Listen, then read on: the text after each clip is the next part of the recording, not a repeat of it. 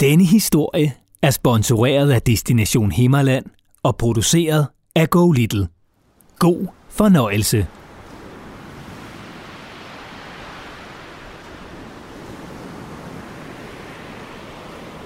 Kan du høre det? Bølgerne, der slår mod land, og blæsten, der river i husene. Vi er ved Limfjorden.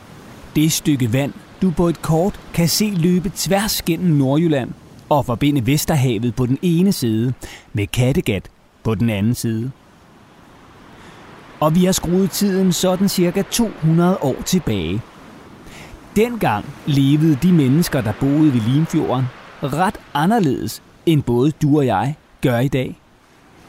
For udover at der dengang hverken fandtes cykler, vaskemaskiner eller biografer, eller film man kunne se i biograferne for den sags skyld, ja, så spillede Limfjorden også en helt særlig og meget vigtig rolle for en stor del af de mennesker, der boede tæt på fjorden.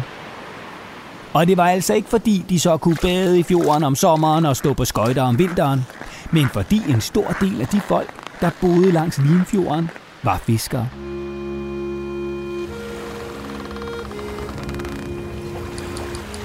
Og mens manden sejlede ud for at fiske og skaffe både mad og penge til familien, ja, så hjalp resten af familien til derhjemme. Også børnene. Og hvordan livet som fisker og som barn i en fiskerfamilie ved Limfjorden så ud dengang for omkring 200 år siden, ja, det får du historien om nu. Og når du er færdig med at lytte, kan du på Limfjordsmuseet i Himmerland i den nordlige del af Jylland lære meget mere om fiskeri i gamle dage. Du kan se, hvordan man fangede sild og ål. Du kan lære om søfart og handel helt tilbage fra vikingetiden. Og så kan du klappe en krabbe, holde en søstjerne og kæle med en bladfisk, Hvis du altså tør. Selvom Limfjorden er kæmpestor og fyldt med fisk, ja, så var det altså ikke alle, der boede langs vandet, der levede af fiskeri. For en del var fiskeriet en ekstra beskæftigelse, og en måde for bønderne at skaffe lidt ekstra mad og penge på, når de ikke lige var i marken. Og det var der altså brug for dengang. For det var slet ikke unormalt at være 5, 6, 7, 8, 9, måske endda 10 børn i en familie. Men der var altså også en lille håndfuld af dem, der boede ved fjorden, der var rigtige fiskere. Det var dem, der boede helt ude mod vest. Havboerne blev de kaldt. Og selvom de ville have været ret cool, ja, så hed de altså ikke sådan, fordi de boede midt ude på havet. Nej, efter sine var havboerne Danmarks første rigtige fiskere. For vildt og voldsomt vejr med stormfloder og oversvømmelser havde nemlig ødelagt de marker, fiskerne oprindeligt dyrkede. Og derfor måtte de altså finde på noget andet at lave. Og så blev de fiskere og døbt havboere. Og livet som fisker var dengang så absolut ikke for tysedrenge. Eller landkrabber for den sags skyld. Det var benhårdt at være fisker.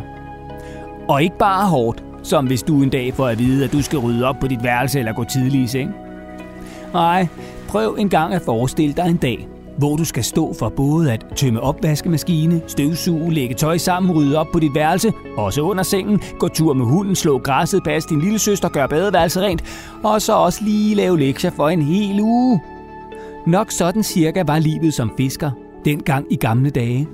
Og nok også lidt hårdere end det. Om foråret og efteråret fangede fiskerne blandt andet torsk, mens de om sommeren fangede ål. Og selve fiskeriet foregik om natten. Ret vildt, ikke? Så fiskerfar han sejlede ud på vandet om aftenen. Og så fiskede han hele natten, kun afbrudt af en spisepause, til klokken var 8 om morgenen. Altså det tidspunkt, hvor du plejer at møde i skole. Herefter sejlede han tilbage i land og spiste morgenmad, inden der kom forskellige folk forbi båden for at købe de fisk, han havde fanget. Jeg bliver træt bare ved tanken. Og først nu kunne fiskerne så tage sig en lur, inden de senere om eftermiddagen blandt andet skulle ordne fiskeudstyret for så igen at tage ud på vandet om aftenen. Så der var altså ikke noget at sige til, hvis nogen synes, at livet som fisker var en anelse hårdt. Men det var som sagt ikke kun fiskerne selv, der hjalp til med fiskeriet. Det gjorde resten af familien også. Også børnene. De hjalp for eksempel med at tørre garnet, sætte mading på fiskekrogene og bære de fisk, som farmand havde fanget, hjem til familien. Så der var altså hverken tid til at spille Fortnite, hvis ellers man havde haft en computer til at spille Fortnite på, gå til fodbold eller lægge puslespil. For alle i fiskerfamilien måtte hjælpe til. Hver dag, og også børnene. For sådan var livet som fisker ved Limfjorden for omkring 200 år siden. Og vil du opleve mere, så kan du og familien besøge Limfjordsmuseet, der ligger, du har nok gættet det, helt ude ved Limfjorden i den nordlige del af Jylland. I det maritime oplevelsescenter kan du for eksempel se, hvordan man fangede sild og fisk i gamle dage. Ligesom du også kan røre ved krabber, søstjerner og fladfisk. Og i Kanalfodens bolig kan du, udover at lære mere om søfart og handel siden vikingetiden, også se fine håndmalede billeder af de skibe, man sejlede i dengang for mange år siden.